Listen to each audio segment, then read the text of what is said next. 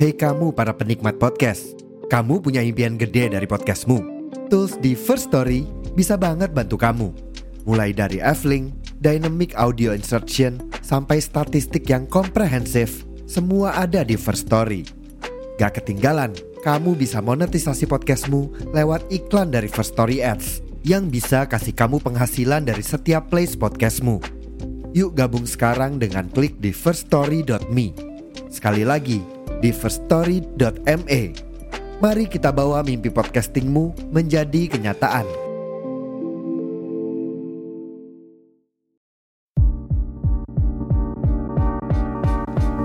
Halo, gue Aldi dari Interestma Podcast. Sekarang gue udah pakai First Story nih sebagai platform hosting podcast gue. Nah, First Story ini adalah platform hosting podcast yang super lengkap banget di Indonesia. Di sini kalian bisa membuat dan mengelola podcast serta mendistribusikannya ke banyak platform stream podcast ternama seperti Spotify, Apple Podcast, Google Podcast, Noise, dan masih banyak lagi deh. Kemudian kalian bisa share podcast tanpa ribet dengan F-Link yang mencakup semua link platform, bahkan sosmed kalian juga. Dan yang paling penting nih, di First Story kalian bisa monetisasi podcast kalian dan mencairkannya dengan mudah tanpa ada biaya tambahan. Jadi menurut gue First Story ini adalah platform hosting podcast terbaik di Indonesia, apalagi buat podcaster pemula seperti gue. Tunggu apa lagi? Yuk langsung daftar di firststory.me dan buat podcast kalian sendiri.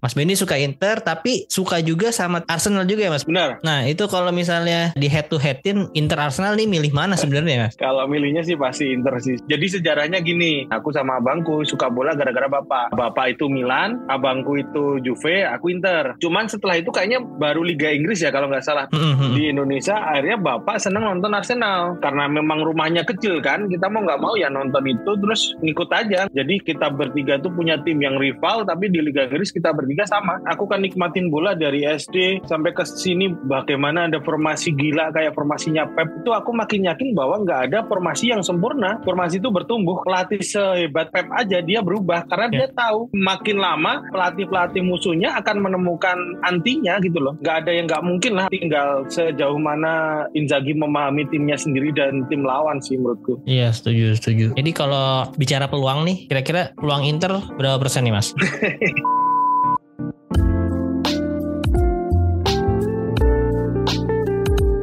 Halo selamat pagi, siang, sore, dan malam. Kembali lagi di Inter Semua Podcast Podcast yang bahas berita-berita seputar Inter Yang dikutip dari sosial media dan portal-portal berita olahraga. Kali ini gue ngetek tanggal 23 Mei malam hari. Dan langsung aja karena kalian udah pasti lihat dari thumbnailnya dari judul podcastnya juga hari ini gue kembali menghadirkan seorang bintang tamu di segmen favorit gue yaitu segmen Interest View di mana di segmen ini gue menghadirkan seorang public figure untuk membahas klub sepak bola kesayangannya bisa itu Inter atau klub-klub lainnya. Dan juga gue akan nanyain kegiatan-kegiatannya belakangan ini lagi ngapain aja nih. Jadi untuk kali ini setelah kemarin-kemarin gue mengundang Kang Radika Jamil dan Ko Erwinwu yang merupakan fans Inter juga. Nah, sekarang ada komika lainnya yang ternyata juga ngefans sama Inter. Beliau ini eh, dari stand up Jogja sih gue taunya karena dari Suci gue nonton beliau. Terus udah jadi aktor juga sekarang. Terakhir ada filmnya yang sekarang udah di Netflix yaitu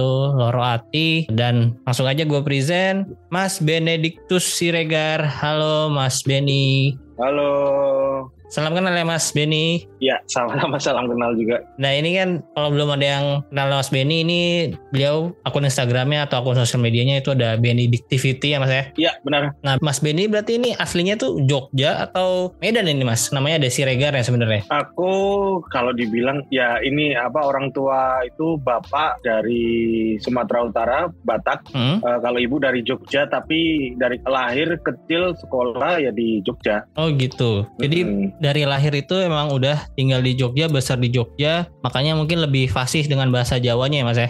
Iya, lebih kelihatan orang Jawanya.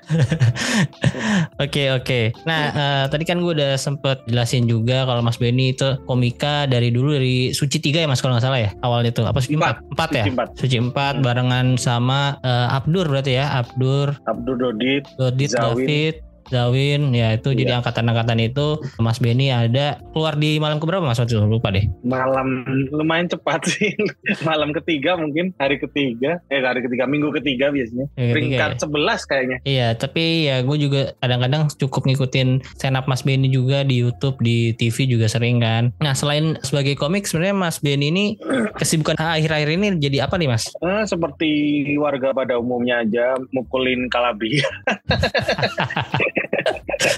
Enggak. ya ini aja syuting terus kalau ada kerjaan di Jogja bikin-bikin konten ke Jogja gitu. Paling gitu sih itu doang. Berarti untuk sekarang domisilinya lagi di Jakarta nih? Jakarta, aku udah lumayan lama sih Jakarta. Cuman lupa lupa tahunnya, mungkin lim- lima empat tahun, mungkin empat lima tahun. Hmm, eh, kerja juga atau emang eh, kerjanya di industri film dan lain-lainnya atau Di emang ini, kerja ya. karyawan, karyawan sebagai kar- karyawan kantoran? Enggak, enggak di entertain. Sebenarnya backgroundku itu pendidikan. Aku Hmm. guru harusnya jadi guru, teman ya akhirnya kecemplungnya di entertain ini dan emang nggak tahu kenapa nggak terlalu berminat jadi guru atau kerja kantoran juga kayaknya nggak bosenan gitu orangnya. Hmm, hmm, hmm, hmm. Kalau boleh tahu ah, lagi ada project apa nih Mas berarti di Jakarta nih? Yang terdekat mungkin yang mau tayang aja, yang mau tayang akan ada Loro Ati season 2 yang series. Hmm. Ini mungkin antara Juni atau Juli. Terus mau ada film juga udah ini Sleep Call. Sleep Call Hmm. mungkin setelah Juni atau Juli mungkin tahun ini yang pasti. Terus yang paling dekat nanti di Jogja bikin acara sama Mukti sama Yusril. Hmm. Suka bola juga dua orang itu. Mukti kebetulan Juventini kan mampus sekarang ke, kepotong 10. boleh kan ya di sini ngata-ngatain gitu boleh, kan ya? boleh banget, boleh banget. Boleh ya? Boleh. Soalnya ada yang kayak menjaga gitu. Ah, apa sih makanya Pak Bola mah nggak usah jaga-jaga gitu. Kita kan serunya kan ngata-ngatain ya. Iya. Iya kan? Kalau- Kalau sopan aneh banget. Eh, Mukti sama Yusuf kita bertiga bikin apa ping- bikin trio gitu nanti pembuka acara pertamanya itu di Jogja nanti di Roluger yang bikin Mhm. eh, tanggal 3 Juni kalau Mas kayaknya masih ada tiketnya deh yang lagi di Jogja boleh nanti dibeli di Mhm. 3 Juni malam. Itu sih paling yang terdekat. Itu acaranya ini ya, cerita kampung halaman ya, live ya. Iya, cerita kamu halaman live. Oh, itu hanya di Jogja apakah uh, tur lagi kota lainnya, Mas? Ah, fleksibel sih sebenarnya. Cuman Jogja harus jadi yang pertama sih karena kan emang dulu awalnya mereka berdua yang bikin kan itu tentang Hmm. apa ya kampung halaman di Jogja walaupun akhirnya episodenya banyak yang di kampung halaman yang lain. Kalau oke sih kita emang pengennya nggak cuma di Jogja, keliling Hmm. gitu mungkin pengen, pengen banget. Hmm, amin amin. Semoga bisa di kota-kota lain juga ya, terutama di Jakarta Hmm. karena karena gue juga sebenarnya pendengar CKH juga di Noise. Tapi kalau karena ke Jogja mungkin tanggal 3 Juni ya kayaknya nggak bisa. Jadi semoga kalau nanti ada di Jakarta gue bisa nonton. Podcast live berarti Siap, formatnya siap. podcast ngobrol-ngobrol biasa ya? Apa ada stand up-nya juga? Iya ngobrol. Uh, stand up-nya akan dibuka dengan eh, dari anak-anak stand up Indo Jogja. Oke, oke. Sebelum podcast live-nya itu akan ada open openernya dari stand up Indo Jogja. Hmm.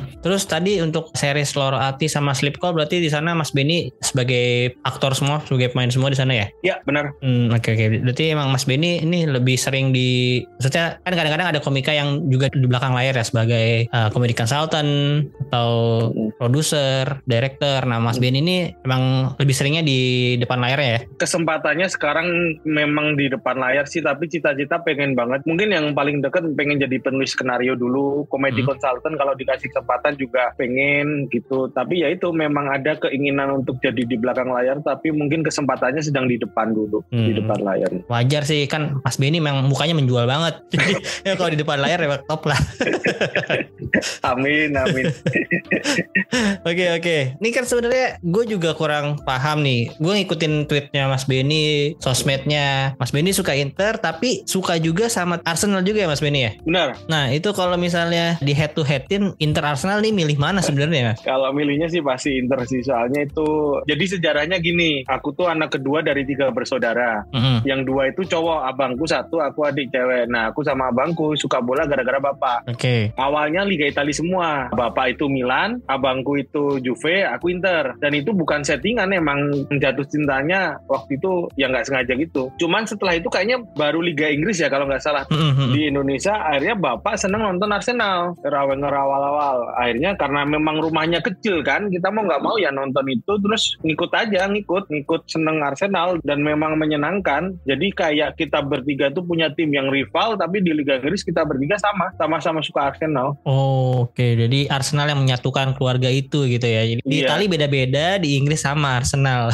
Mm-mm. Oke, kalau untuk Inter sendiri kenapa bisa suka sama Inter? Ronaldo mungkin ya pertama kali mungkin Ronaldo Ronaldo, Ronaldo, ya. waktu itu eh, sampai aku inget yang pertandingan terakhir lawan Lazio mungkin yang kita gagal juara ya mm-mm. yang dia ditarik keluar kalau nggak salah cedera kan itu dia Iya, cedera. menang akhir- akhirnya kalah atau apa di situ yang juara kayak kalau nggak salah Juve kan Mm-mm. itu sampai sampai nangis itu abangku kan nonton juga itu sampai eh, lepas baju waktu SMP kalau nggak salah SMP atau SD gitu yang bikin jatuh cinta ya itu Ronaldo itu Ronaldonya ya berarti ya. Nah Mm-mm. setelah itu beranjak dewasa ya tempat tadi uh, nonton Arsenal. Tapi momen yang paling berkesan nih, yang paling Mas Benny inget sebagai fans Inter itu momen apa Mas? Boleh momen yang menyedihkan atau yang menyenangkan? Eh, kalau aku sih pasti treble ya, pasti treble-nya itu. Pas treble itu aku waktu masih kuliah di Jogja. Jadi rumahku kan di Wates, Wates itu yang bandara baru itu ya. Sejam Mhm. lah dari Jogjanya itu di sebenarnya lebih berkesan pas semifinalnya sih. Semifinal itu kan udah beneran underdog banget kan kita lawan Iya. Barcelona kan. Mm-mm. Tapi bener-bener itu aku beneran sehari sembuh dari tipes. Tapi aku putusin ikut nobar dan nobarnya tuh di tempat umum bukan di markas Inter gitu. Jadi tempat umum dan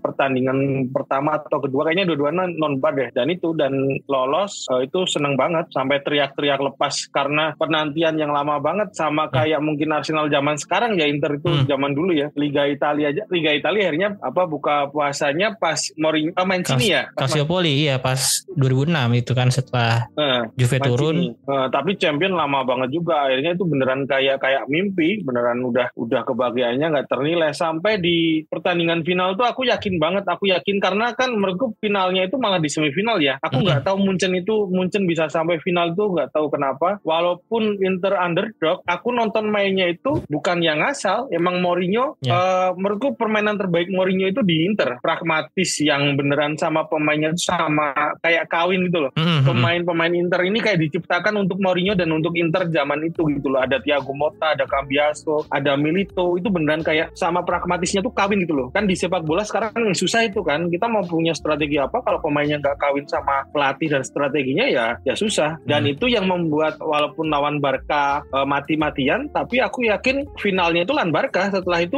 udah gampang lawan Munchen. Dan saking pengennya lihat Inter juara walaupun yakin, aku kan suka taruhan ya. Itu nggak berani taruhan sama sekali. Diajakin nggak berani taruhan. Karena karena takut ya walaupun aku nggak terlalu beriman ya tapi takut kayak kayak di apa sih dihukum gitu loh sama Tuhan Nah. gitu. Kayak ini udah dilolosin ke final mau juara kamu malah taruhan nanti bisa dibelokin gitu. Sampai takutnya segitunya beneran itu. Iya iya berarti memang benar-benar momen itu tuh memang ibaratnya ya kayak yang benar-benar mendebarkan maksudnya tegang sampai-sampai mau taruhannya takut ya. iya iya. Karena penantian kita kan lama banget Iya benar benar. kapan lagi? Terakhir? dan dan akhirnya tahun ini setelah kita menunggu 13 tahun lamanya Inter bisa kembali lagi nih ke final UCL dan ya gimana nih kalau menurut Mas Benny tahun ini? Lawannya Manchester City yang memang sangat superior banget ya di Liga Inggris di Liga Champion kemarin menang lawan Madrid 4-0 di Liga Inggris sempat ketinggalan 8 poin ya. Sama Arsenal tuh sampai 10 nggak sih? Nggak nggak ya? Nggak nyampe 2 Eh, digit ya? belum belum kayaknya. Belum ya Iya, kayaknya. iya, tapi kan itu ketinggalannya lumayan ya walaupun memang punya tabungan pertandingan yang cukup kalau nggak salah dua pertandingan ya. Dan akhirnya bisa menekan Arsenal hingga Arsenal juga ya mau nggak mau kalah sendiri gitu tanpa harus melawan Manchester City secara langsung dia lawan Nottingham Forest kalian kalah. Dan akhirnya sebelum eh, sebelum bermain City udah selebrasi juara gitu akhirnya musim ini. Nah lawan Inter besok gimana nih peluangnya menurut Mas Benny? Nah, kayaknya sih aku akan nggak akan taruhan lagi sih. Kalau yang ini lebih ke sadar diri, ke takut sebenarnya. kenapa gak pegang Taruhan tapi- City saat taruhannya pegang City aja Ah, aku tuh kadang bingung kayak gitu ya. Cuman aja, tapi kan nanti bahagianya tanggung ya. Heeh. Kalau menang taruhan juga sedih Inter kalah, kalau Eh. kalah taruhan ya eh, lumayan juga kalah taruhan gitu.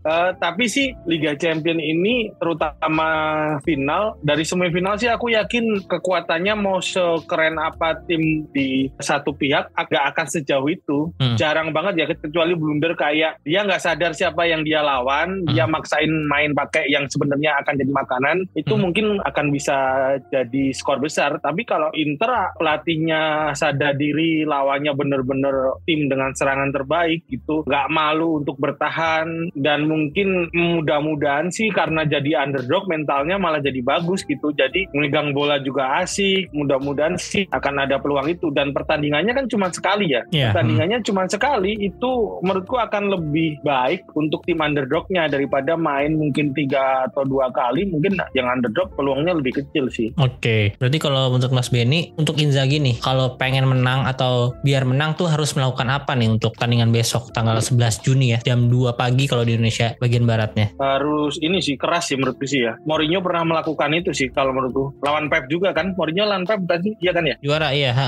2010. Menurutku sih harus keras sih karena aku juga terakhir pertandingan yang melihat kejadian yang mirip adalah Liverpool Arsenal. Arsenal yang udah di atas angin, Liverpool yang lagi busuk, Liverpool main keras, tengahnya bener-bener berantem keras, udah amburadul. Odegaard nggak bisa ngapa-ngapain, Saka hilang ke mana. Menurutku ya jangan malu main keras, oh, ya walaupun tetap pakai ini ya, pakai otak ya, maksudnya keras tapi nggak yang kasar ada perhitungan lah gitu ya, eh, kartu kuning berapa kayak kayak gitu. Menurutku kalau nggak keras sih nggak mungkin sih. Tim tim kayak gitu harus dikerasin sih. Asal kerasnya jangan kayak Gagliardini kemarin lawan Napoli ya. Ya itu pemain. aku nggak tahu ya.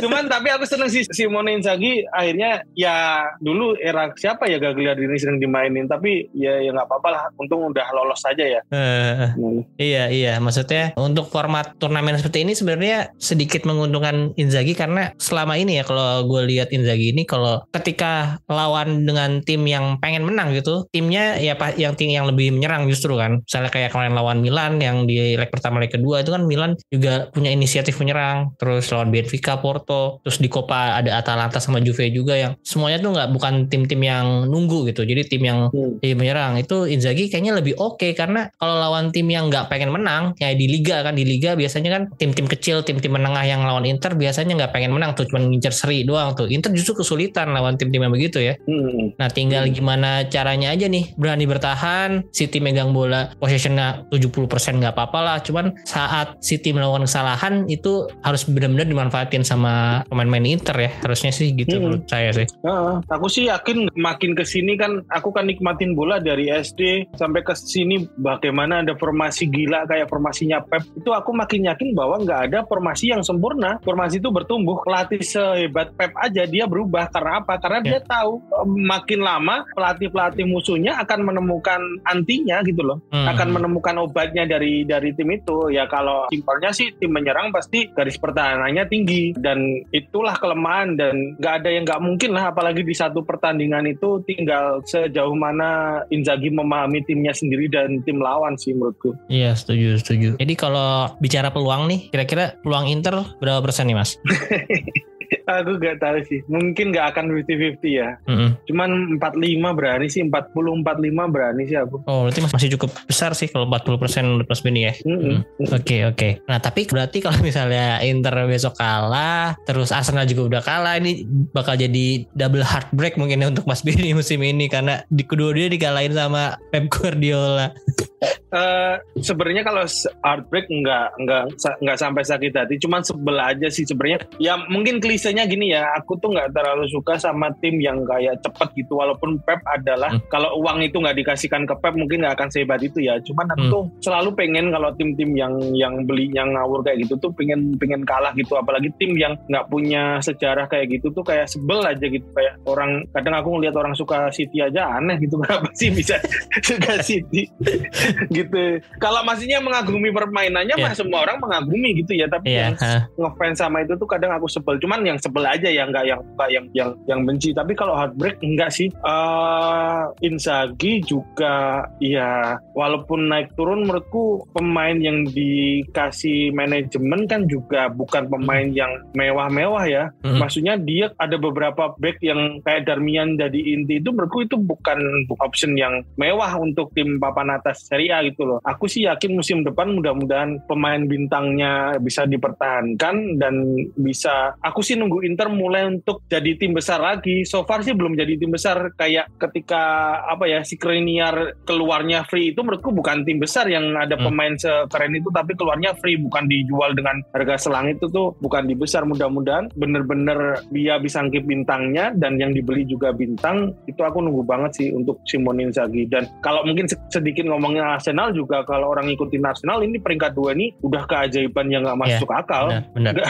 nggak masuk akal walaupun ya sebel sih karena kan lama banget ya. Iya. Maksudnya kalau kita kejar-kejaran dari awal terus tetap nomor dua itu masih oke dibanding kita lama di atas terus baru dikejar di ending itu kayaknya sebelnya beda gitu ya. Aha. Cuman kalau kita akhirnya nenangin diri terus mikir ya itu sih nggak masuk akal sih bisa peringkat dua keren banget. Iya ini Inter sama Arsenal musim ini agak-agak mirip ya maksudnya Inter di UCL siapa yang nyangka sih bisa sampai Hmm. final tahun ini dengan materi yang tadi udah Mas Benny bilang pemain-pemainnya juga banyak yang gratisan terus kalau dibandingkan sama Napoli, Milan yang kemarin ada di 16 besar. Terus Benfica juga menurut gue tuh salah satu tim yang bagus sebenarnya musim ini. Terus apalagi Madrid, Chelsea yang memang bagannya lagi lagi berat sebelah aja nih yang yang di Inter agak agak lebih mudah. Yang City yang lawannya berat-berat terus kalau dibandingkan sama Arsenal juga di IPL sama MU terus Chelsea apalagi tuh yang skuadnya bener-bener mewah. Ya Arsenal ya empat besar emang menurut gue itu eh, expected lah. Cuman di peringkat dua bahkan peringkat satu lama berapa pekan itu bisa bertahan lama itu su- suatu yang memang di luar eh, ekspektasi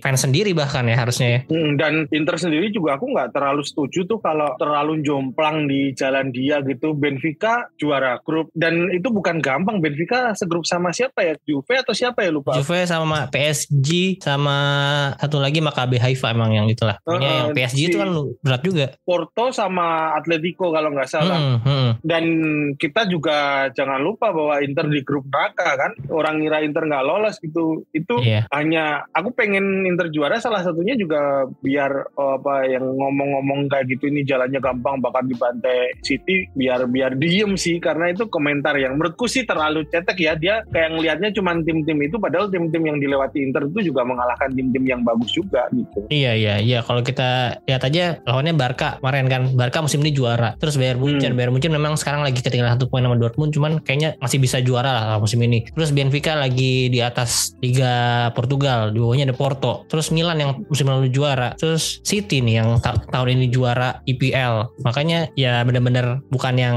nggak nggak segampang itu cuman memang kalau dibandingkan bagan sebelah ya memang bagan sebelah menurutku juga lebih berat tapi nggak emang nggak nggak semudah itu juga sih lawan-lawannya sebenarnya ya Mm-mm. Hmm. Oke tadi ngomong-ngomong sebel-sebelan tadi kan Mas Benny Mas Benny masih sering marah-marah di Twitter gak sih? Udah ngurangin, udah ngurangin. iya soalnya gue kalau ngomong sama teman-teman komika kalau Mas Benny ini orangnya eh, ngomel-ngomel mulu di Twitter sih itu apa Mas yang biasanya di marah-marahin tuh orang-orang kayak gimana tuh apa fenomena-fenomena apa tuh Paling sih yang komentar-komentar ngawur sih, terutama ke sekarang ya. Tapi sekarang udah udah jarang sih. Paling nge-tweet, aku nge-tweet apa gitu, terus tak tinggalin aja. Kalau dulu kan sering sampai reply-replyan sampai Hmm. bawah gitu. Kalau dulu tuh paling statement-statement logika-logika yang yang sesat, yang menyesatkan itu. Bahkan di Twitter banyak lah ya. Hmm. Di Twitter kan kita bisa ketemu apa aja ya. Mungkin bagusnya Twitter karena egaliter, kita bisa ngomong apa aja ke siapa aja gitu. Tapi jeleknya ya orang sembunyi di akunnya itu, orang-orang yang real kayak kita ngomong pakai logika yang sana juga akhirnya kita nggak tahu siapa mereka mereka ngomong seenaknya dengan seakan-akan omongan mereka sama kayak omongan kita yang yang berpikir ini gitu tapi akhirnya yang bikin aku agak nggak ngomentarin itu ya karena akhirnya sadar bahwa di Twitter itu kan nggak semuanya asli ya Hmm. jadi mereka ngomong ngawur mungkin juga pancingan juga ada gitu jadi aku lebih milih kalau ngomong sama siapa aku nge-tweet apa terus ditanggepin keras sama orang tak biarin kalau orangnya itu nggak jelas udah Oh, jadi sekarang udah udah berkurang banget ya udah ngurang-ngurangin ya sekarang ya Mm-mm. lebih enak ngeledekin terus ditinggal pergi udah gitu iya, aja iya, iya, justru orang yang sana yang kesel.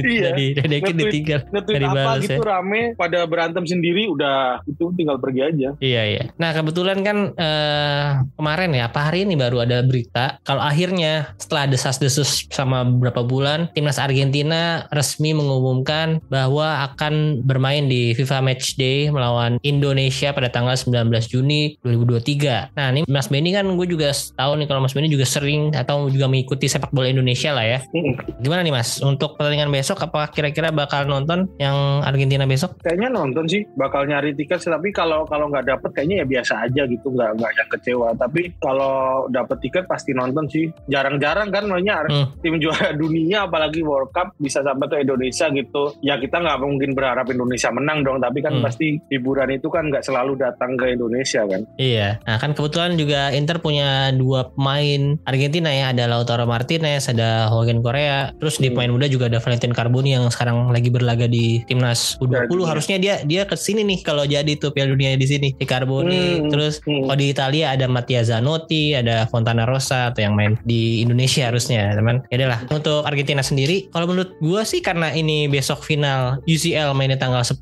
ya. Kalau di Eropa tanggal 10, terus ini di Indonesianya main lagi tanggal 19 untuk main sama Argentina. Kecil sih kemungkinannya untuk Lautaro sama Korea bisa ikut ya. Oh iya ya, aku baru sadar ya. Makanya pasti libur mereka ya, dikasih Iya. libur lebih ya. Iya kayaknya Iya sih ini. Cuman ya yang kita tahu desas-desusnya mungkin Messi yang sangat di apa ya di bener-bener di lobby kalau sampai mungkin ada kontraknya ya kan ada bilang eh, kontraknya Indonesia sama Argentina kalau Messi harus datang nih harus main eh, sebanyak berapa puluh menit itu sih bener-bener gimana kalau menurut Mas Ben itu apakah kalau nggak ada Messi jadi nggak bukan sesuatu pertandingan yang menarik gitu Menariknya berkurang pasti ya. Maksudnya pemain seperti Messi itu kan mungkin 10 tahun belum tentu ada satu gitu kan yang bener-bener dia bakat alam ya. Hmm. Jadi tapi kalau nggak menarik juga enggak sih. Makanya orang yang paham. Walaupun permainan Argentina tidak menarik ya di Piala Dunia ya. Mhm. tapi ya ya kelas dunia sih eh, juara dunia gitu maksudnya sangat-sangat jarang itu datang ke negara sepak bola semediocre kita gitu jujur-jujuran aja ya maksudnya Hmm. emang mediocre kan jadi ya nggak masalah sih pengen pasti nonton Messi tapi nggak ada Messi kan tetap, tetap itu tim dunia juga Iya sih. Tapi kalau Mas Bini sendiri pengen nontonnya siapa nih? Maksudnya pemain yang secara langsung pengen pemain Argentina maksudnya ya, eh, yang pengen Mas Bini tonton secara langsung nih kalau di pertandingan besok. selain Messi mungkin yang lagi ini oke McAllister mungkin Oh iya, Brighton betul. Hmm. McAllister Alvarez juga itu keren pemain sayap Argentina siapa lagi ya yang lagi eh, lagi bagus Di Piala Dunia kemarin mungkin itu Enzo Fernandez. Nah, Enzo Fernandez itu paling itu sih sama mungkin kalau masih ada dari Arsenal kan Emi Martinez kan sempat Oh, iya. Arsenal juga kan dulu. Nggak sabar nih, Emi Martinez mau dijebolin sama Ramadan Sananta kayaknya. Nah, kalau kita balik lagi ke Internya nih, dengan pencapaian yang sekarang udah sampai final UCL, terus besok juga main di final Coppa Italia, terus sekarang masih bertengger di empat besar, tiga besar bahkannya setelah Juve dikurangin 10 poin. Menurut Mas Beni gimana nih pencapaian penampilan Inter musim ini? Kalau penampilan bikin bingung ya kalau penampilan ya. Kalau pencapaian sangat-sangat menyenangkan. Kalau penampilan masih aku sih berharapnya era Conte keulang gitu yang beneran permainannya apa ya ya kawin gitulah tapi ini kayak kayak tiba-tiba aneh gitu. Hmm. Cuman pada akhirnya terobati karena ini pencapaiannya bener-bener di luar ekspektasi ya. Walaupun dulu di awal pengen banget juara sih tapi setelah tahu pemainnya seperti itu yang sebenarnya nggak nggak terlalu mewah pencapaian sampai final itu benar-benar mengobati kita yang sudah eh, udah pasti nggak juara lah ya di Serie A gitu. Cuman aku malah pengen tanya emang emang kalau Inter eh, aku nggak nggak terlalu baca berita emang keuangannya ini ya apa masih masih di ambang eh, masih kurang gitu ya untuk untuk stabil gitu untuk beli pemain besar untuk mempertahankan pemainnya itu emang masih ngos-ngosan atau gimana? Ya, setahu gua sih Mas ya, eh Suning ini masih apa ya, masih berusaha untuk menyeimbangkan pengeluaran dan pemasukan Inter ya. Kalau pengeluaran sendiri sebenarnya kan udah dipres-pres banget tuh dengan memotong gaji-gaji pemain, terus pemain-pemain yang mahal makanya dijual, kayak eh, maksudnya gaji yang mahal tuh kayak dijual, terus untuk naikin gaji Skriniar aja tuh kayak mereka tuh nggak bisa kan mintanya 7 juta atau tujuh setengah juta itu eh, lebih memilih untuk akhirnya jadi lepas juga kan. Terus main-main lainnya mungkin kayak musim depan kan yang dirumorin ada Brozovic, terus ya Lautaro Bastoni atau Barella tuh udah pasti kan akan diincar beberapa tim juga. Nah itu sih kayaknya sih masalahnya ini pemasukannya yang belum bener-bener gimana ya dari dari liga sendiri kan ya segitu-gitu aja pemasukan hak siar dari Serie A terus belum lagi sponsor kita yang lagi bermasalah juga kan yang sekarang aja udah di jersey Inter nggak ada sponsor ya di depan tuh Hmm. Digital Beats yang nggak Hmm. bayar perjanjiannya jadi one prestasi akhirnya dia hilang juga. Kayaknya masalah-masalah yang kayak gitu tuh yang membuat si Suningnya juga nggak bisa eh, invest karena dia takut merugi. Namanya juga kayaknya bener-bener bisnis ya eh, tujuannya Suning. Jadi dia nggak mau rugi dia nggak mau ngejual Inter juga murah. Kan selama ini juga ada beberapa desas-desus dia mau dibeli sama Arab lah mau sama orang Amerika gitu. Mm-mm. Tapi, Tapi- kalau ini? kalau ini ya benar-benar kayak suningnya suningnya yang nggak mau ini aja sih. Nggak mau bener-bener minus gitu keuangannya tapi gue nggak tahu nih karena kabarnya kan musim ini juga karena udah masuk final UCL dapat 100 juta lebih nih. Kalau benar-benar musim depan nggak belanja sih benar-benar harus harus demo sih nih Interisti ke markas Inter. Tapi kalau kalau Arsenal kan Arteta itu beneran udah dijanjiin dia nggak akan jual pemain terutama bintang ya. Kalau pemain-pemain yang kayak Saka itu kan bukan bintang dia pasti dijual. Untuk membeli pemain yang lebih bagus uh, itu nggak perlu menjual bintang. Nah Inter belum ada berita bahwa Simone Inzaghi akan diberi berapa dan dia apakah perlu menjual bintang untuk memperkuat timnya ketika mau membeli pemain bintang lagi nggak posisinya? Masih kayak dulu nggak? Hmm. Nah ini ya uh, menurut gue Inzaghi nggak kayak Conte ya. Inzaghi itu ya pasrahan ya. Apalagi CV-nya memang belum sementereng Conte yang udah juara Serie A berapa kali dan uh, ya di di Itali dia top class lah. Kan Inzaghi ini belum punya bergen power untuk itu menurut gue ya. Karena hmm. uh, Scudetto belum pernah dia menang Copa Copa doang Super Copa dan Copa doang. Di Eropa juga ini baru masuk final. Uh, ya, kayaknya manajemen tuh menjanjikan sih enggak. Eh maksudnya menjanjikan sih ada beberapa berita yang iyalah kayaknya nggak bakal musim ini kita nggak akan kehilangan pemain. Nah tapi gue takut terulang aja tuh yang sama di musim terakhir Conte. Ah, bilangnya nggak bakal jual pemain eh ujung-ujungnya jual Lukaku dan Hakimi. Padahal hmm. kayaknya Lukaku doang tuh kayak udah cukup deh untuk hmm. uh, kehilangan eh maksudnya jual Lukaku 120 juta tanpa harus kehilangan Hakimi kan bisa harusnya. Nah gue takutnya sih omongan manajemen nggak bisa dipegang juga. Aku kan ngikutin di dua liga ya Inggris sama Italia kadang ya aku punya beberapa temen kayak Benedion kan suka Roma kita hmm. setuju bahwa Serie A ini memang nggak tahu ya kenapa nggak berkembang gitu beneran nggak dari finansial kalau di Inggris itu udah posisinya jelas siapa pun pelatihnya ya hmm. kamu posisi musim depan akan ada budget segini dan kamu nggak perlu yeah. jual pemain atau kamu perlu jual pemain ini ini dari pemain bahkan dari kayak sekelas Brighton pun udah ada berita ini bahwa uh, yang dijual itu cuman ini ini yang ini nggak akan dijual kayak, kayak hmm. gitu loh nah sedangkan di Italia itu jarang banget kayak kayak beneran dari 0 sampai 100 gitu kita bisa yang nggak tahu siapa yang bakal dijual siapa yang hmm, hmm. apa kita mau di posisi membeli pemain bintang atau enggak yang aku heran sih iya iya mungkin itu sebabnya kenapa di Inggris disebutnya manajer ya daripada pelatih jadi memang dia juga ngurusin manajerial dalemannya gitu jadi pembelian hmm. pemain hmm. rekruter pemain juga mereka ngurusin mungkin ya karena kalau di Italia kan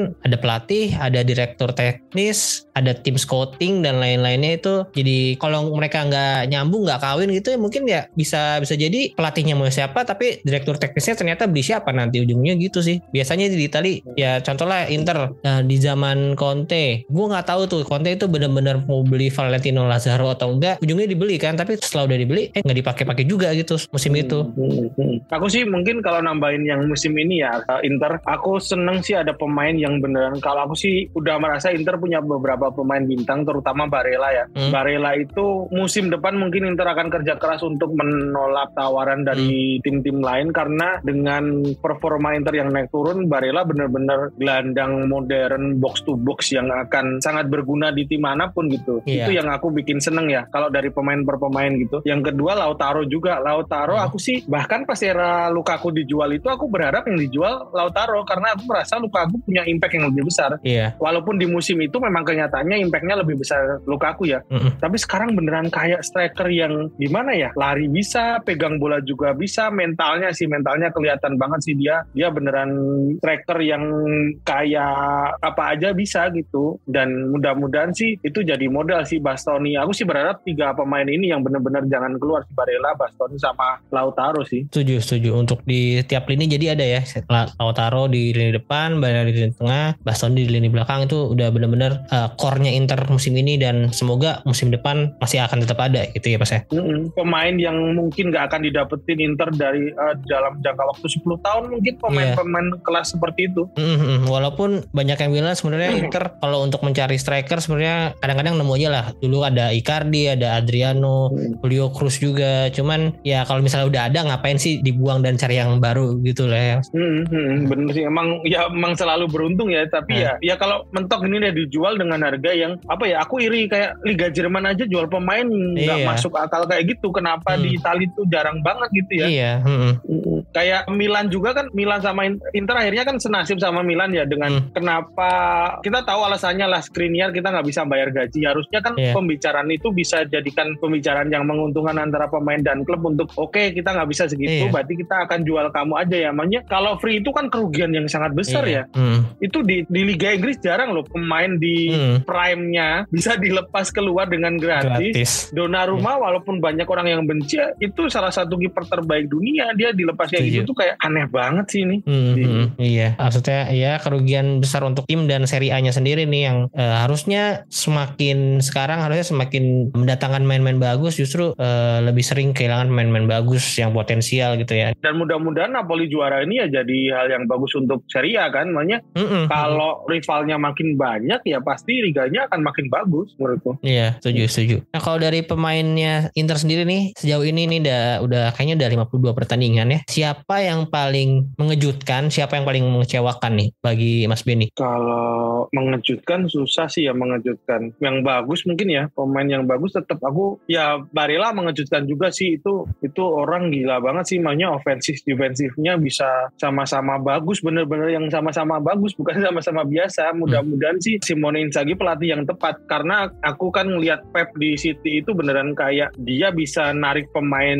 setinggi tingginya skillnya gitu loh. Sampai mentok bahwa ini dikuliti sampai pemain bagus mudah-mudahan di Italia terutama Simone Inzaghi ini bisa kayak gitu. Bisa Barella yang talentnya sebagus itu ya gara-gara Simone jadi keluar semua talentnya gitu. Paling selain itu ya sesuai yang aku prediksi Onana sih menurutku memang layak jadi nomor satu di situ sih. Terutama kalau mau main pakai goalkeeper sweeper ya mungkin ya sekarang Ya. ya jenisnya ya Mm-mm. itu ya ya pasti Onana untuk nyerang apa dari bawah dengan sistem 3 back sih kiper yang bisa megang bola akan sangat sangat berguna sih. Kalau pemain yang flop siapa ya flop? Gosens Sebenarnya sih- Gosens. Gosen salah satu yang kayaknya nggak cuma tahun ini deh. Aku kayak kenapa ya? Aku malah pengen tanya di fans Inter lain apa yang membuat Gosens. Aku berharapnya dia beneran jadi apa ya? Jadi pesaing di Marco yang bikin di Marco jadi bagus banget. Walaupun sekarang di Marco bagus Hmm. banget ya, tapi Gosennya terlalu jauh. Iya. Jadi hmm, apa sih itu yang bikin Gosen kak? Gosen kan dari Atalanta ya di Atalanta segila itu ya, tapi di Hmm. Inter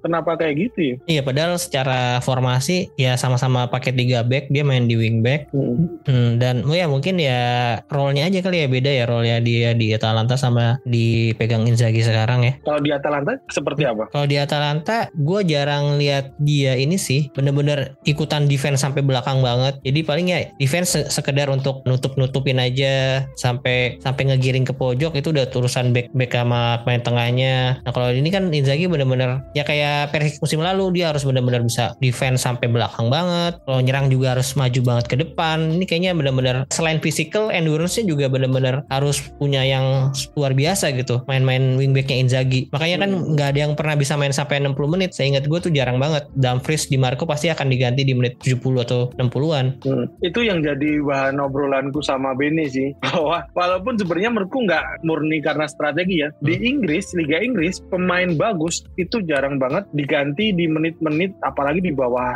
70, di bawah 80 gitu. Bahkan lebih sering main 90 ya. Nggak tahu ya apa karena memang eh, tapi di Italia ternyata hampir semua tim seperti itu. Kayak li- Hmm. lima ya sekarang bergantian ya Iya. lima dipakai semua bahkan Pep itu sering berapa kali nggak pakai bergantian satu pun gitu ya. Dengan permainan yang gaya Pep pressingnya gila-gilaan juga dong. Itu nggak tahu sih Itali banyak banget kekurangan yang bisa yang bisa kita omongin gitu loh. Tapi kalau boleh nambahin tadi satu pemain di Marco juga menurutku luar biasa banget akhirnya ya. Setuju. di Marco dan Dumfries. Kalau Dumfries sih aku yakin sih kalau pesaingnya cuman Darmian Belanova sih aku masih akan masang Dumfries terus itu. Walaupun dulu di awal musim kan Dumfries masih sering dirotasi tuh. Iya. tengah ke belakang akhirnya pelatih tahu dan Dumfriesnya juga oke banget. Dia akhirnya bisa jadi back sayap yang diinginkan Inzaghi kan dua itu tambah Bastoni kalau nyerang tiba-tiba sering bikin crossing yang yang bikin aku jatuh cinta sama Bastoni itu adalah kemampuan crossing dia Iya. yang aku yakin itu terbaik di dunia ya dengan sistem 3 back itu Hmm. nggak ada pemain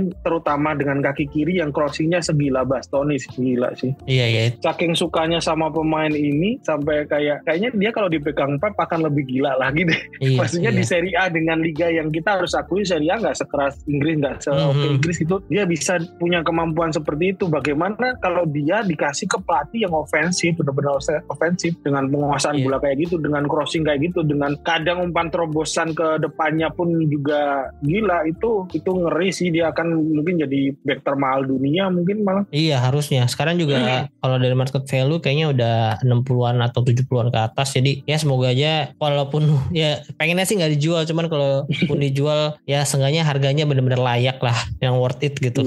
Iya. Ya kalau untuk Di Marco juga gue setuju banget ya kalau dilihat dari statistiknya. Bahkan kayaknya total itu dia 6 gol 10 assist untuk seorang back kiri itu luar biasa sih dari 47 pertandingan. Bahkan dia di Champions League 5 assist. Hanya satu di bawah si Vinicius Junior kalau nggak salah. Ini kan bener-bener pemain Itali. Ya apalagi ini dia pemain asli binaan Inter ya Akademi Inter. Dia juga Interista sejati ya kemarin aja sempat ada kontroversi ketika selebrasi terus eh, nyanyiin lagu yang nggak boleh dinyanyiin sebenarnya di stadion katanya kan yang membuat para kurvasut marah jadi gue seneng banget Eh, salah satu main favorit gue di Inter musim ini juga sih si Federico Di Marco ini dan harusnya ini kalau dia namanya mungkin Michael Di Marco maksudnya yang main-main Inggris itu harganya udah 100 jutaan nih kayaknya Iya. nih Di Marco Iya, iya. Kadang aku tuh kadang ya sebel juga pemain Inggris kayak Arsenal kan sekarang ngincer Declan Rice ya. Eh. sih kalau 100 nggak mau beli itu Caicedo lebih bagus dari Declan Rice menurut dia.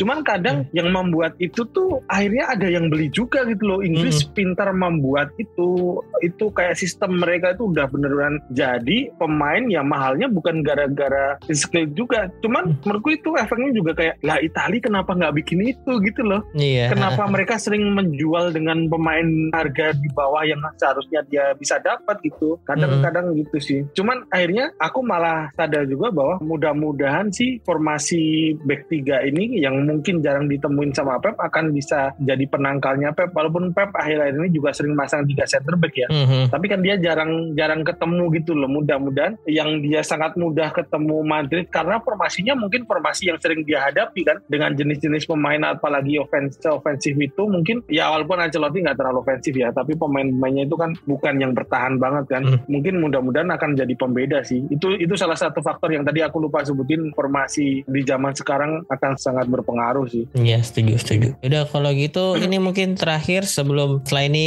gua akan nantang Mas Benny di quiz trivia. Ini pertanyaan Boleh. terakhir. Mungkin harapan Mas Benny untuk musim depan nih Inter harus gimana? Atau ada pemain-pemain kah yang menurut Mas Benny cocok main di Inter? Atau karena secara untuk pelatih kemarin gue baru baca beritanya Baby Marotta juga udah memastikan bahwa posisi Simone Inzaghi itu aman untuk musim depan. Jadi dia akan tetap melatih Inter musim depan. Nah kalau menurut Mas Benny harapannya gimana dan harusnya gimana nih? Ya itu tadi aku berharap nggak tahu kondisi Inter seperti apa. Aku berharap Inter akan berada di kondisi stabil yang dia kalau mau beli pemain bintang itu nggak perlu ngeluarin pemain bagusnya. Kalau mau dijual ya jual-jual pemain yang mungkin kecil-kecil dengan tambahan dana yang nggak besar gitu untuk beli pemain bintang. Karena aku sih ngerasa ah, musim depan itu yang harus kerja keras manajemennya ya. Karena Simone Inzaghi dengan pemain yang sebenarnya kemarin dikasih-kasih itu nggak terlalu ah, bukan nggak terlalu optimal ya itu bukan sebuah kemewahan kayak Zeko itu akhirnya bisa diolah sedemikian rupa sama Inzaghi jadi malah di beberapa pertandingan lebih bagus dari Lukaku kan Iya, gitu. Jadi setuju. ya kalau so far sih dari segi pelatih apalagi pelatih ini jarang mainkan pemain-pemain yang aneh yang supporter sering ngeluh gitu kayaknya aman pelatihnya tinggal manajemen aja nih. Aku sih semakin ke sini terutama karena aku dukung Inter sama Arsenal aku udah bukan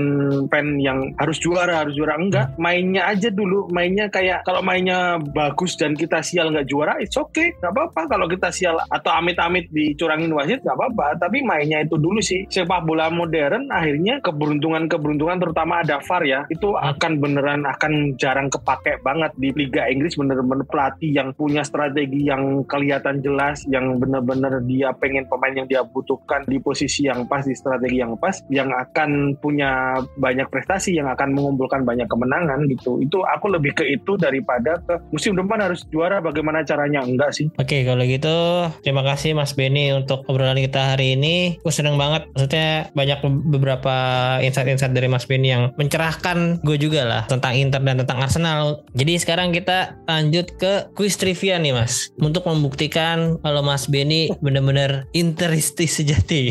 waduh jangan susah-susah mas Enggak ini gampang tinggal pertanyaan doang. Ini yang paling gampang dulu deh. Yang gampang dulu Mas Benny kan sering main bola juga ya, masih sering lah ya. Fan football, fan Hmm. football gitu. Kalau bikin jersey gitu biasanya pakai nomor punggung berapa Mas? karena aku suka jadi striker 9 sih kalau nggak 9 14 dua nomor itu Oke, k- apa tuh artinya dalam ini? Tanggal lahir atau gimana? 9 Ronaldo 14 Thierry Henry Oh, dua pemain favorit di dua tim yang berbeda ya. iya Nah, ini pertanyaannya karena mungkin 9 udah terlalu gampang, gue pengen nomor 14 aja deh. Sebutin tiga pemain Inter dengan nomor punggung 14. Tiga aja, Mas. anjing ah Diego Simeone Simeone 14 gak sih? Ya, bisa jadi. Boleh Ya. diingat-ingat dulu, ayo. Diego Simeone 14, 14 jarang banget Inter Banyak main setiap, setiap musim ada kok. Setiap musim ada nih. Setiap musim akhir-akhir ini ada oh, ada yang pakai. Hmm. Musim ini siapa 14 coba? Tadi Simeone bener gak? Benar, benar. Luigi Di Biagio? Nah itu gue harus cek dulu. Soalnya gue kurang apal tuh justru yang lama-lama.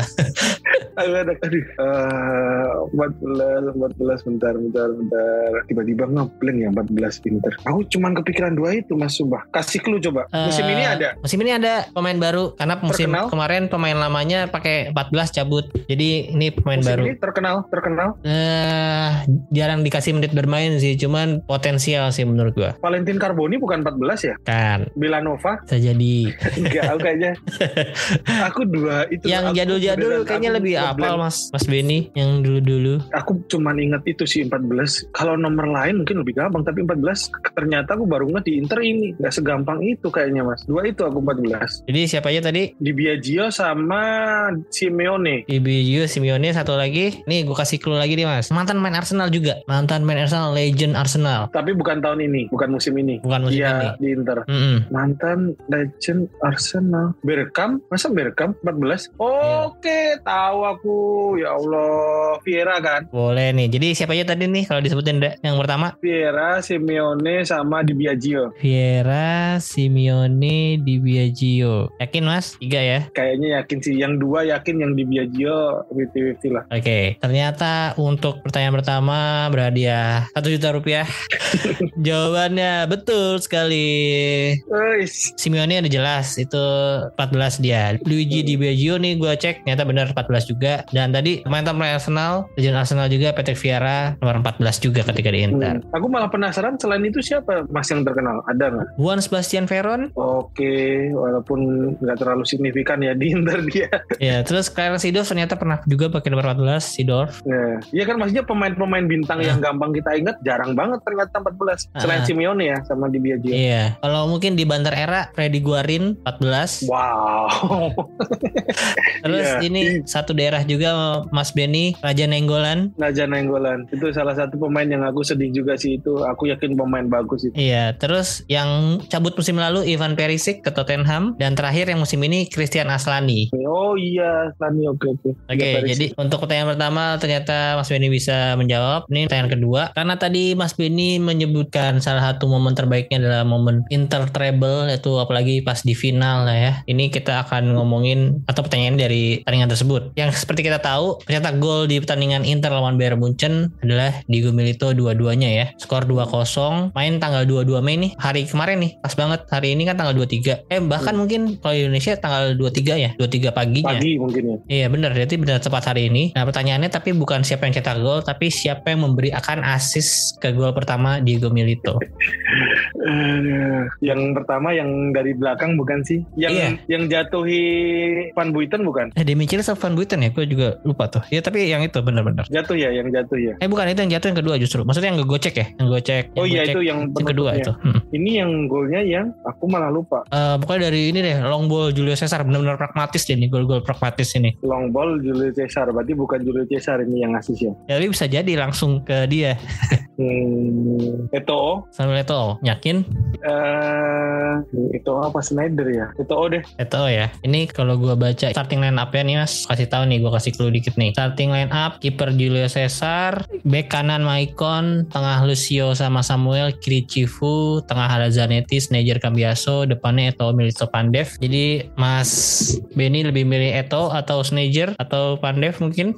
Tapi Pandev kayaknya ngasih juga ya. Eto'o deh nggak apa-apa deh. Eto'o ya. Iseng aja. Ternyata untuk pertanyaan kedua, jawaban Mas Benny kali ini sayang sekali salah. Pandev ya? Yang ngasih asis itu adalah Wesley Sneijder. Jadi Oh iya. skemanya mungkin kalau Mas Benny agak lupa itu Julio Cesar long ball ke depan, Diego Milito nyundul, oper ke Sneijder, Sneijder balikin lagi ke Milito, Milito tinggal chip si kipernya tuh si Nick Boot ya kalau nggak salah namanya Nick Boot Hmm, ya. hmm. Jadi itu gol pertama Diego Milito di pertandingan itu di menit ke 35. Kebayang sih, kebayang itu gol. Oke, kalau yang kedua tuh baru tuh yang dari yang yang kedua kayaknya si Pandev atau Eto'o baru tuh yang ngasih operan. Cuman itu Diego Milito-nya gue cek gue cek kan, jadi nggak tahu dihitung asis atau enggak sama UEFA-nya. Itu yang diatoin si Buiten itu, Buiten apa Demichelis gitu. Yang Buiten gue cek itu. sendiri itu bagus sih, gua- bagus banget tuh gue liat. Gue juga nggak nyangka ternyata Diego Milito nggak cuman target man, tapi maksudnya dia bisa bawa bola juga di pertandingan itu. Kalau yang kedua itu lebih aneh ada pemain sekelas Van Buiten di final sih. Oke, untuk pertanyaan ketiga, kan besok final Inter versus City itu di Istanbul ya, di Turki. Jadi sebutin tiga pemain Turki yang pernah main di Inter. Dua sih dapet sih. Tiga gampang banget ini. Ada lebih dari tiga nggak sebenarnya? Tapi aku ingatnya cuma tiga sih. Ada, ada tujuh apa delapan nih? Cukup banyak. Tiga cukup aja lah banyak. Hmm, tiga aja. lah. Okan Buruk, Emre, akan syukur. Oke, justru yang musim ini nggak disebutin ya. Oh iya. Calhanoglu udah ini. Anak 90-an tadi tebakan Iya. juga lawak semua itu. Ya, jadi untuk yang ketiga sangat mudah sekali untuk dijawab. Jawabannya betul. Jadi selain ada tadi ada Okan Buruk, Hakan Syukur, Emre Berzoglu, ada Umit Davala juga. Waduh, aku sumpah ini baru inget. Ini era-era setelah Mourinho ya kayaknya. Sebelum sebelum Mourinho dong kalau Oh, sebelum ya? Heeh. Terus ada ya sekarang yang Hakan Hakan Calhanoglu. Terus mungkin kalau Mas Beni inget ini dulu ada meme-nya juga. Ini ada nama pemain Chandler Erkin di nomor Hmm. 18 dibeli free transfer dari Fenerbahce, dibeli Inter tapi nggak pernah main sama sekali terus dijual lagi. Attacking midfielder ya? Bek kiri Chandler Erkin namanya. Oh iya ya. Itu zaman-zaman eh, banter era lah itu beli pemain itu. Hmm. Yang terkenal empat doang itu akan Iya. tambahkan tadi. Umi Davala agak-agak lupa. Bu. Oke, untuk pertanyaan keempat masih soal Champions League karena ini euforia masih euforia Champions League nih pertanyaannya. Siapa pencetak gol terbanyak Inter all time di UCL sampai saat ini? Maksudnya ini udah formatnya ada format Champions League ya, bukan European Cup lagi ya. Champions League kan mulai dari 92, 93. Nah, sampai Hmm. sekarang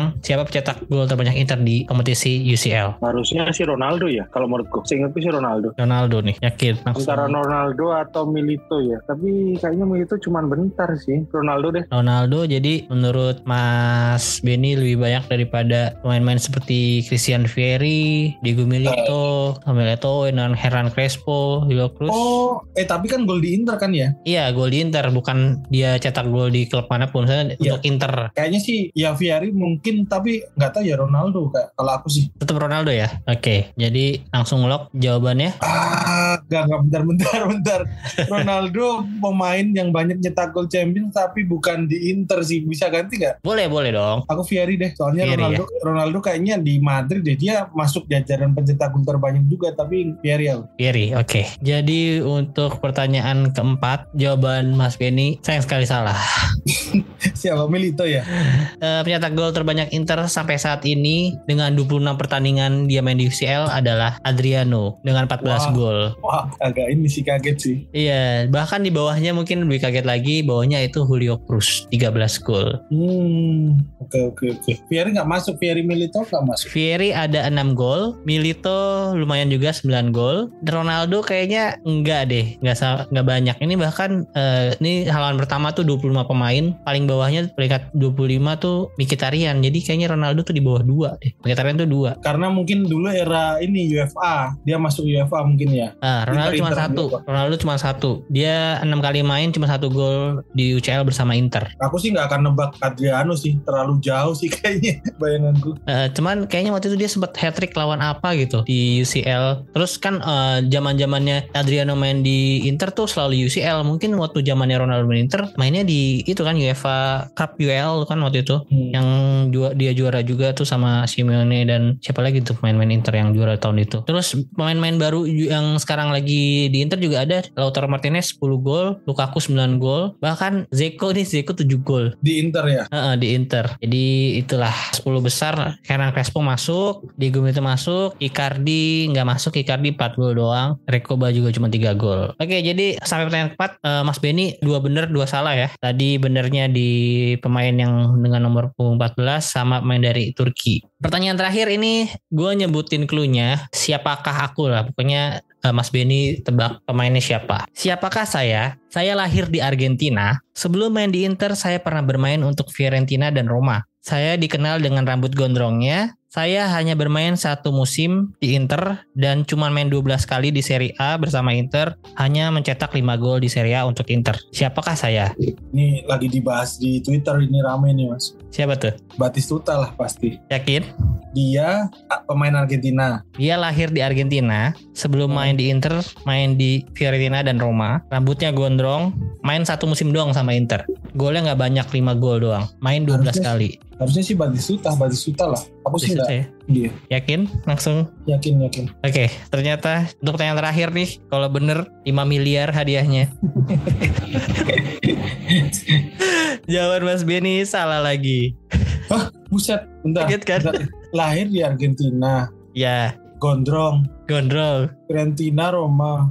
Heeh. Boleh tambah posisi nggak? Posisi striker. Crespo nggak pernah di Fiorentina kan? Roma apalagi? Eh, bentar. Si- ah, siapa ya? Nyerah-nyerah. Nyerah ya? Oke. Jawabannya adalah Daniel Osvaldo. Ya Allah, banget itu. Mas Benny boleh cek sendiri, teman-teman yang dengerin boleh cek sendiri statistiknya. Dia benar-benar lahir di Argentina, cuman main untuk timnas Itali, Hmm. terus pernah main di Fiorentina dan Roma, rambutnya gondrong, main di Inter cuma satu musim, dia habis itu dia selek kan sama Icardi waktu itu. Oke, Hmm. dia ditendang dari Inter. Main bener sama-sama 12 kali, sama kayak Gabriel Batista sama persis. Tapi golnya dia 5 di Serie A, Batista cuma 2. Hmm. Tahu sih, aku tahu pemainnya yang mana. Cuman kalau dikasih tebakan tadi kayaknya nggak akan kepikiran Mas Faldo. Iya, emang sengaja untuk menjebak gitu. Oke, ternyata Mas Benny bisa jawab dua dari lima pertanyaan. Ya, ternyata kayaknya Kang Dika lebih banyak nih. Kang Dika berapa? Kang Dika kayaknya tiga atau empat deh. Yang paling parah, paling parah. Ko Erwin, Ko Erwin. Oh, Sama kayak kayak Mas Benny dua juga. Jadi thank you banget nih Mas Benny udah mau mampir ngobrol sama gua di Terus Podcast. Terus udah eh, mau ikutan trivia quiz yang gak ada hadiahnya juga sebenarnya. nyenengin sih, nyenengin. Iya, dan untuk selanjutnya ada project apa Mas? Stand up fest ini nggak naik nggak?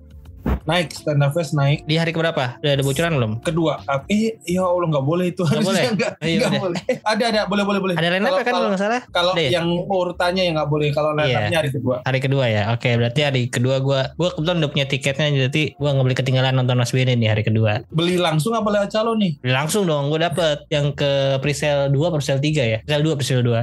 Hmm, Oke, oke, oke. Oke, terus untuk Mas Benny sebagai stand up comedian kemarin udah punya dua special show ya. Ada tiba-tiba kepikiran sama Benedictivity. Itu dua-duanya udah bisa dibeli di Comika ya Mas ya? Bisa, bisa. Di Comika untuk digital downloadnya bisa kalian beli nih kalau teman-teman yang nggak sempat nonton Mas Benny waktu itu bisa beli di comika.id. Nah untuk ke depannya ada rencana lagi nggak Mas buat special show nih? Iya, aku sih tapi belum tahu bulan tanggalnya, tapi pengen banget spesial tiap tahun ada sih sekali. Tahun ini berarti dong? Iya. Oke. Tapi pembahasannya temanya gitu udah boleh diceritain belum? Maksudnya apa gitu? Ada teaser nggak? Belum, belum kayaknya, belum. Oke. oke. Eh, akhir tahun berarti ya? Ah, bisa, bisa akhir Jadi. tahun, bisa sebelum itu juga. Jadi ini akhir tahun benar-benar banyak nih komika yang eh, ngadain spesial ya. Yang sekarang nih mungkin yang lagi berjalan Bang Awe sama Bang David ya yang bentar lagi mau tour. Terus nanti di akhir tahun ada Ko Erwin juga, Kang Dika juga ada, Mas Benny juga ternyata eh, mau bikin tour eh tour apa special show doang nih Mas? Spesial, spesial show doang. Special show satu kota aja ya, Jakarta. Hmm, Enggak, Jogja. Oh Jogja justru. Oh aduh, susah Jogja. nih nontonnya berarti nih saya nih. Bisa Ya udah. nanti pas lagi liburan. Ya amin amin semoga ada kesempatan ke sana ke Jogja. Karena pengennya sih ke Jogja nggak cuman apa nggak cuman liburan healing healing atau kuliner, pengennya juga ada nonton stand up. Jadi, jadi eh, terima kasih banget. Semoga tadi projectnya yang mau tayang tadi apa judulnya mas? Eh, ada series Loroati season 2 Juni atau Juli sama Sleep Call film tahun ini juga mungkin setelah Juli bulan-bulan setelah Juli Kalau yang di Netflix itu rotinya yang film apa series sih? film kalau Film yang ya? series di video semuanya yang season 1 kan udah ada di video season 2 nanti video juga Hmm, jadi kan kalau filmnya udah bisa ditonton di Netflix itu timelinenya setelah seriesnya setelah film. Eh, Iya ini series dulu Hah? film baru series season 2 Oh, Oke oke jadi Maksudnya series. Jadi kalau mau nonton di video.com dulu berarti ya nonton series season satunya, terus ke Netflix nonton filmnya, terus nanti Juni atau Juli akan ada season 2-nya ya untuk seriesnya. Iya, benar sekali. Oke, terus satu lagi Sleep Call itu di bioskop berarti ya Mas ya? Ya, di bioskop. Bulan? Ah, setelah Juli sih setahu aku Agustus mungkin ya. Oke, so Juli. Oke, jadi selain tadi ada stand up show, ada film-film Mas Benny juga. Jadi jangan lupa untuk kalian tonton teman-teman. Terus kalau yang mau ikutin Mas Benny juga Instagramnya ada Benedictivity, Twitter juga sama. TikTok ada nggak Mas TikTok? TikTok ada cuman promo digital download dua video doang, dua tiga Oh. video doang. Masih Gak belum ada yang ngedance ngedance itu, Cupid, Cupid. Nanti mungkin ya, nanti kalau Inter juara mungkin akan melakukan itu. Oh iya, eh, Mas Benny kan di Jakarta nih. Eh, ada rencana nobar gak Mas? Aku baru mau tanya ini, eh, ikut ini nggak, I- Ici nggak? Ci, aku ikut. Aku nggak ikut soalnya. Hmm. Itu nobarnya biasanya di mana kalau final besok? Nah kalau final besok kebetulan nggak tahu nih bakal ikut sama Ici apa enggak karena gue udah janjian juga sama Kang Dika Hmm, pengen nobar paling sekitar Kuningan siapa tahu Mas Benny mau nih di Kuningan juga Mas Benny tinggal di mana sih? aku di Pejaten. Oh ya nggak jauh lah ya Jakarta Selatan juga ya mungkin kita cari-cari Jakarta Selatan nih jadi kita bisa nonton bareng bertiga tadi ngajak Ko Erwin juga Ko Erwin lagi ke puncak katanya tanggal segitu Hmm. ada syuting atau ada apa gitu Oke, kabarin aja. Kalau aku sih memang sebenarnya lebih mengasihkan kalau di ada supporter dua-duanya iya lebih puas. Iya, coba nanti kita cari yang tempat yang seru ya, Mas. Nanti eh, kalau gitu nanti paling gue gue DM ya ke Mas Benny ya. Siap, aku juga kayaknya bakal nonton bareng Cio juga deh. Cio ku paksa ke Jakarta nanti nonton. Oh, Cio lagi di Surabaya ya? Apa gimana? Enggak, dia kan di apa namanya? Apa BSD kan. Kemarin sih aku bilang final ayolah nonton Jakarta gitu. Iya, final kan nih kapan lagi gitu loh? Final sekali doang. Maksudnya belum tentu tahun depan atau lima tahun ke depan Inter bakal main di final UCL lagi. Jadi kayaknya nih pertandingan yang harus ditonton bareng-bareng sih. Oke, Kabarin aja. banyak. Siap, siap. Nanti tadi MD-man. Sekali lagi terima kasih untuk teman-teman yang udah mendengarkan juga. Jangan lupa untuk follow akun sosial media gue juga di Twitter ada Interisme Media, Instagram ada Interisme Podcast. Eh, jangan lupa juga untuk follow atau subscribe akun Spotify atau Noise, eh, Apple Podcast, Pogo FM, lain-lain juga ada. Nyalain loncengnya biar kalian dapat notifikasi tiap ada episode baru. Sekali lagi terima kasih. Arif Forza Inter.